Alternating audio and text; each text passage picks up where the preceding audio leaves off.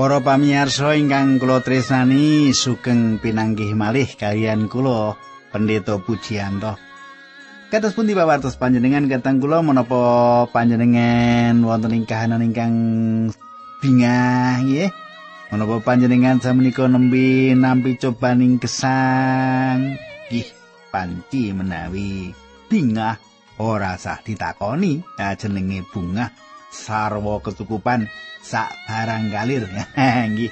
Lah menika ingkang dados pengajeng-ajeng kita sami nanging kala-kala gesang menika mboten kados mekaten. Ana susahe barang gitu ana karuwetane barang nggih. Nanging menawi panjenengan dados tiang ingkang kumandel dumateng Gusti karuwetan karuwetan ingkang nempuh gesang panjenengan ora ndadekake panjenengan adoh karo Gusti Allah. Nggih. Nah, ing wanci menika panjenengan kula dherekaken sinau kayekten-kayekten ingkang dipun pratelakaken ing kitab suci ingkang saged kita sinau. Pengajeng-ajeng kula ing pepanggen menika ndadosaken kegiatan panjenengan anggen panjenengan kumandel dumateng Gusti Yesus Kristus nggih. Sugeng midhangetaken adicara menika.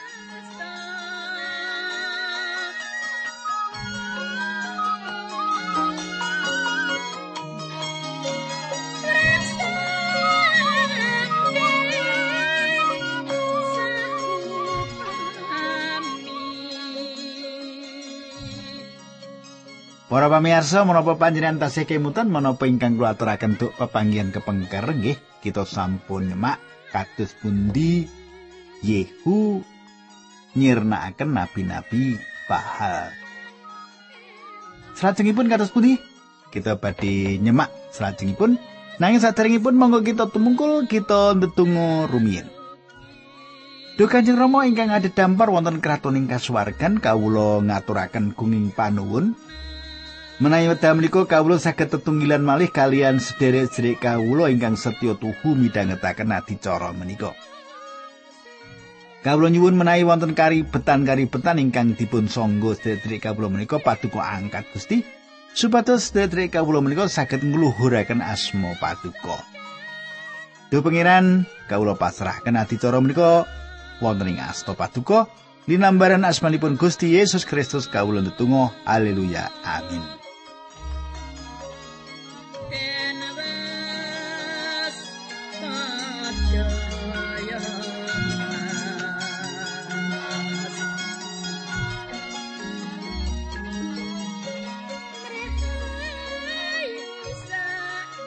Para pamirsa ingkang kula tresnani, samenika pasinaon kita sampun lumebet ing kitab Kalih Para Raja bab kalih dosa.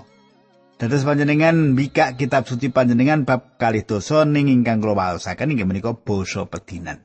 Nggih. Emot Iskia menika satunggalipun raja ingkang ngedap-edapi. Mboten wonten raja ingkang kados piyambakipun sasampunipun Daud dipun ngendikaken dheweke nindakake apa kang bener ing pamirsani Gusti dikaya apa kang ditindakake Daud leluhuri. Pangandikan menika paseksinipun Gusti Allah gegayutan patrap gesangipun laku jantranipun si Hizkia menika. Sang Prabu Hizkia menika nggih. Samenika ayat tunggal ing wektu kuwi raja Hizkia gerah wudunen Saking bangete nganti meh sedo Nabi Yesaya bin Amos sowan lan matur mengkini. Gusti Allah ngendika supados panjenengan beresaken urusan panjenengan sedaya, mergi panjenengan boten badhe saras malih, panjenengan boten dangu malih badhe kapundhut. Para pamirsa, penyakit Hizkia menika dipun serat kaping tiga ing salebetipun kitab suci inggih menika ing kalih para raja kalih dosa. Kalih babat lan Yesaya tigang dosa wolu. Lan saben seratan menika nambah gambaran sawetahipun. Sampun tentu satunggalipun tugas ingkang angel kanginipun Yesaya nglantaraken paukuman pejah dumateng Hizkia sang raja. Saketuki paukuman pejah badhe nempuh kita piyambak-piyambak namung kita mboten mangertos dinten utawi jamipun. Kitab suci ngendikaken ing Ibrani 9 ayat 17 kaya dene menungsa nggone pinestimati sepisan lan sawise kuwi nuli diadili dening Gusti Allah. Para pamirsa, menika satunggalipun wekdal ingkang sampun dipun tetepaken Gusti Allah. Menawi kita mangertos wekdal ingkang pas, minjang menapa kita pecah. Menapa kanthi mangertos benjang menapa kita pecah menika badhe ngribah patrap gesang kita? Oh, matiku sorbo. Nggih. Sakniki nyobi. Tumindak sae. Imut kalian Gusti Allah. Ngabekti mertobat menapa mangkat malah kata tiang Kristen ingkang sanjang pati kuwi ado ing ngarepe kita. Kita ora perlu kuatir. Leres leres. Kita mboten perlu kuatos atas pati menika nanging gesang kita kedah sadar. Bile pati menika satunggalipun tujuan ingkang pungkasan nah nek mati nih mlebu ning neraka wala susah Nek mati ning swarga ya kepenak, ora apa-apa mati kapan ae, ora apa-apa. Nah, nanging napa panjenengan wis dikunci mlebu ning swarga menika? Nek durung mati ra ya rekoso. gitu.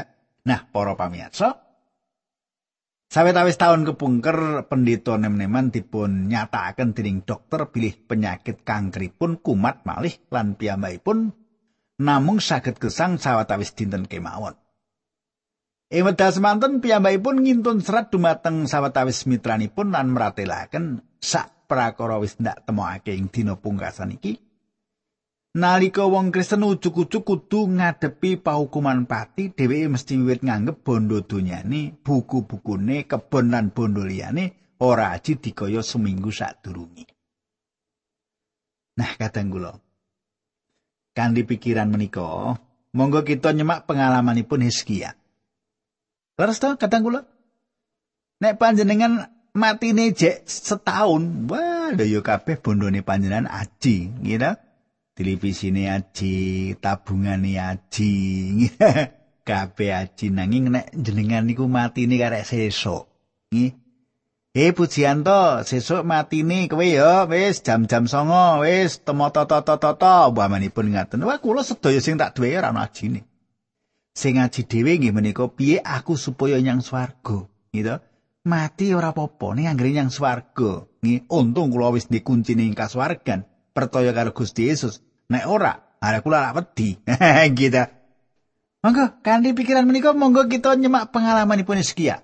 Ayat kalih tiga tak wacake panjenengan semak. Raja Hizkia banjur madhep menyang tembok karo ndedonga duh Allah Mugi kersa ngengeti bilih kawula sampun ngabekti dhateng paduka kalian setya lan temen-temen, kawula tansah ngudi sagedipun nglampahi karsa paduka.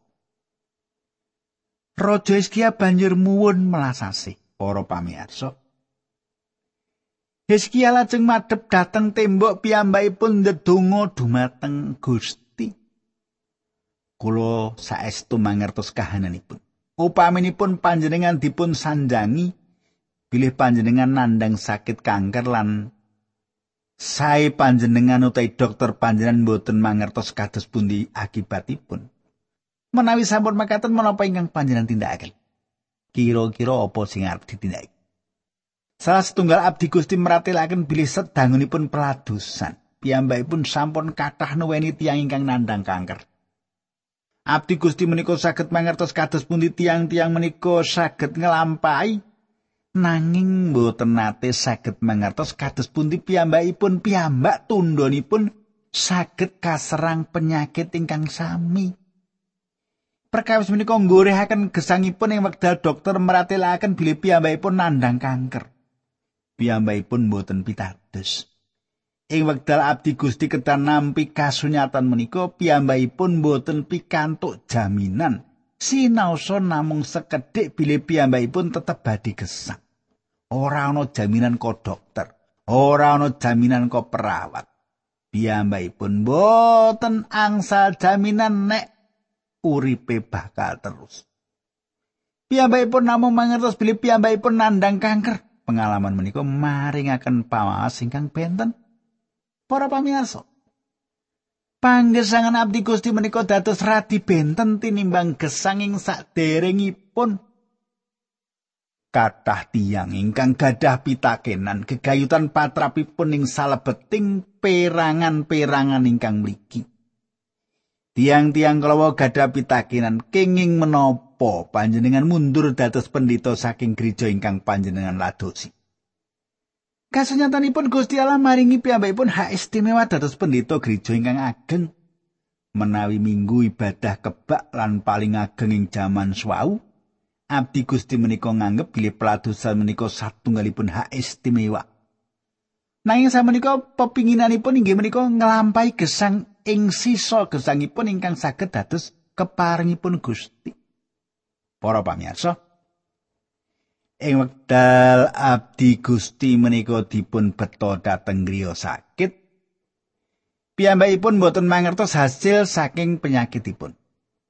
Perawat kedah mitulungi piyambakipun menawi piyambakipun badhe minggah dateng tempat tidur awit badanipun ringkih. Perawat menika tangrep.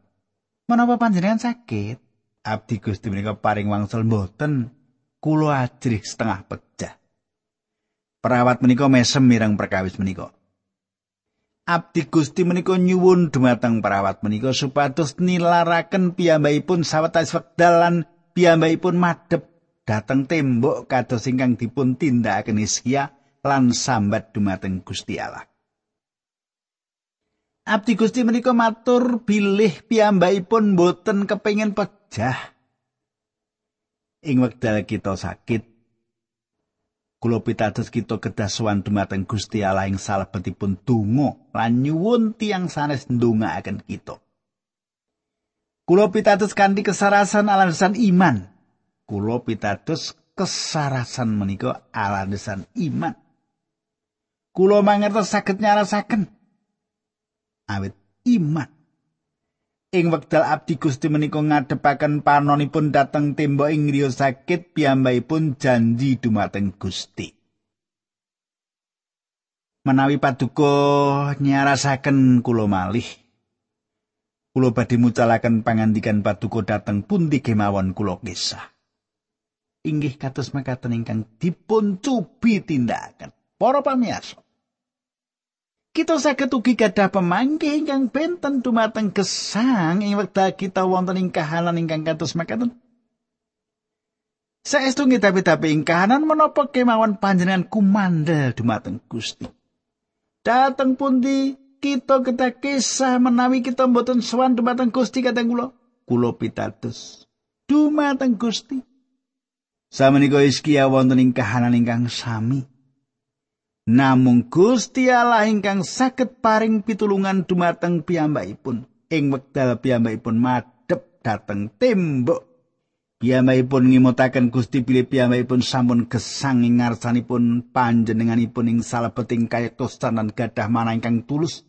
Lan piyambakipun sampun nindakaken menapa ingkang sae ing salebetipun pamirsani Gusti Allah. Gula, kados pundi panjenengan? Ewadal panjenengan badhe ditembali Gusti napa panjenengan sampun nindakaken perkawis-perkawis ingkang sae wonten ing gesang panjenengan. Apik karo tangga teparo, apik karo gereja, apik karo pendetane. Menapa panjenengan dadi jejere wong percaya nek ra lumawan pendeta yo ora marem. Kaya wong ngidam anggeresuk kepengin madoni pendetane. gitu. Ampun nggih ampun pendeta ki abdi Gusti nggih dipilih karo Gusti Allah mengki lak kualat jenengan gitu. Nah kula lajengaken ayat sekawan lan gangsa. Nabi Yesaya banjur tindak Raja Hizkia ditilar nanging sadurunge miyos saka pekarangane kraton Nabi Yesaya didawi dening Allah supaya bali meneh marang Hizkia rajane umat Allah karo didawi mengkini. Aku pangeran Allah sing dibekteni dening Daud leluhurmu, aku wis miyarsakake pandongamu sarta mirsani panangismu, kowe bakal ndak warasake. Telung dina meneh kowe bakal suwaning pedalamane Allah. Para pamirsa panjenengan katosaken. Gusti sampun mirsani tangisan Hizkia. Kulo yakin panjenenganipun ugi sampun mirsani tetesan loh kulo lan tangisan panjenengan. Menawi panjenengan wonten ing kahanan sisah ngantek luwe dleweran Gusti Allah pirsa kateng kula. Ayat 6. Umurmu bakal ndak tambah 15 tahun kowe lan kutha Yerusalem bakal ndak luwari saka raja Asur, kutha iki bakal ndak reksa krana saka asmaku lan krana janjiku marang Daud abdiku. Panjenengan semak menika satunggalipun pawartos sae bilih Gusti badhe nyarasaken piyambakipun lan manjangaken umuripun 11 tahun melih. Ayat pitu. Nabi saya banjur utusan wong mopokake woh ara sing digawe alus ana ing budune raja Hizkia. Kadang kula Gusti Allah saged ngginakaken cara-cara limrah kangge nyarasaken Hizkia. Nanging panjenenganipun ugi saged ngginakaken cara-cara ingkang boten mlebet ing nalar. Menika ngedapi-dapi inggih menika ingkang dipun ngendikaken Yakobus kangsa ayat 18. Makaten surasipun, yen ana sing lara ngaturana para pinituwane pesamuan supaya padha ndongakno sing lara lan ngusapi awake sing lara mau nganggo lenga atas asmani Gusti. Kadang kula wonten kalih cara ing pundi tiyang dipun jebati ngangge lisah ingkang kawitan inggih menika ing salebetipun upacara lan ingkang kaping kalih inggih menika kanthi cara medis. Kathah tiyang klintu penampi gegayutan perkawis menika nanging Yakobus sawek meratelaken gegayutan jebatan ingkang secara medis. Gusti Allah ngendika lumantar Yakobus bila kita kedah asik ke praktis, dokter kenging kemawon dipun undang. Nanging para penatua gereja ugi kedah dipun undang supados ndedonga lan donga badhe nyarasaken tiang ingkang sakit menika. Para pamirsa, ing salebetipun perkawis Hizkia tiang-tiang menika nyelehaken roti ara. Ing satenggalipun mudun ingkang sak ugi ateges ingkang sawek nandang penyakit kanker. Gusti Allah ngendika aku bakal nambahi umur 15 tahun nanging becike kowe mopokake wahara ing sak dhuwure wudun. Ingkang kula aturaken mboten sifat fanatik nanging mlebet ing nalar. Menawi panjenengan nandang penyakit kanker, mila kedah panjenengan adepi penyakit menika. Hizkia mangertos sadaya kasunyatan menika. Gusti Allah sampun beberaken ing ngajengipun Hizkia lan Gusti Allah nambahaken umuripun kang 11 taun malih. Ayat 8. Ature marang Nabi Yesaya, menapa pertandanipun bilih Gusti Allah badhe nyarasaken kula lan bilih tigang dinten malih kula badhe saged sowaning pedalamanipun Allah. Para pamirsa, Hizkia nyuwun tondo kangge mbuktekaken bilih umuripun badhe ditambahaken. Gusti mboten maringi tondo menapa kemawon bilih umur kita badhe dipun panjangaken. Menika sedaya gumantung Gusti Allah Rama kasuwargan. Menawi panjenenganipun kagungan setunggal rancangan sanes, kita kedah nampi rancangan menika. Gusti Allah mboten tansah ngersakaken nambahi umur kita. Kula gatosaken ing jaman gereja wiwitan, Yakobus menika pejah sahid piyambakipun dipun hukum pejah dening Herodes. Ingkang sanes Petrus dipun walaken saking pakunjaran. Kula mboten mangertos kenging menapa satunggal dipun bebasaken lan ingkang sanes kedah pejah. Sedaya menika gumantung katetepanipun Gusti Allah. Ingkang kita pingini nggih menika mangertos karsanipun Gusti.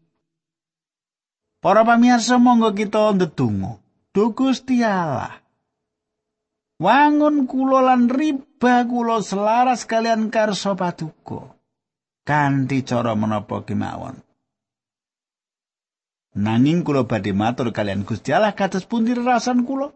Kula rumin kulino tuwi satunggal ibu ingkang nandang raos sakit ingkang boten kantenan saengga piyambakipun ngrumaosi bilih boten gampil mulihaken kesehatanipun. Piyambakipun sanjang aja didongake supaya aku sehat meneh.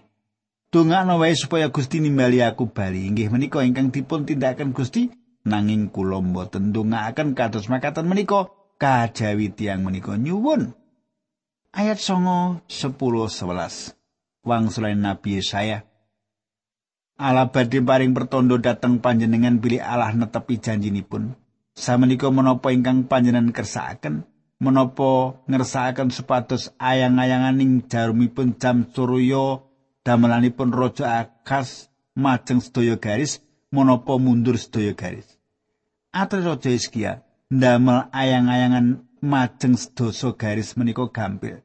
Pramila kadamla mundur kemawon sedasa garis. Nabi saya nuli marang Allah panjenengane banjur ngundurake ayang-ayangane jarum jam srengenge mau 10 garis. Para pamirsa, samenika kita dumugi ing tingkatan gesangipun Hizkia ingkang ngagetaken kula. Ayat 12 bab kali dosa dek semono raja Babel merodah baladan putrane raja baladan mireng yen raja Hizkia nembe wae saras gerai mulane banjur utusan nggawa layang lan hadiah marang Raja Hizkia. Kadang kula ketinggalipun Hizkia nampi kertu ucapan wilujeng supados cepet saras lan nampani satunggalipun peparing. Ayat 13. Raja Hizkia nampani utusan mau kelawan bunga lan mamerake kasugiane emas lan sloko anggi-anggi lan lengo wangi semono uga kegamaning tentarane ora ana barang ing kedaton sing ora dipamerake. Para pamirsa, Hizkia nindakaken perkawis ingkang bodho. Bodho. Piyambakipun ngecaraken utusan saking Babel ningali emas loko anggi-anggi ingkang dipun kembalakan Sulaiman. Bondo donya ing sejagat wonten ing mriku lan menika mboten namung kawruh ingkang limprah. Hizkia bombong ing manah. Babel sampun nyukani ucapan supados piyambakipun cepet saras dados piyambakipun ngetingalaken bandanipun kedaton dumateng para utusan Babel menika.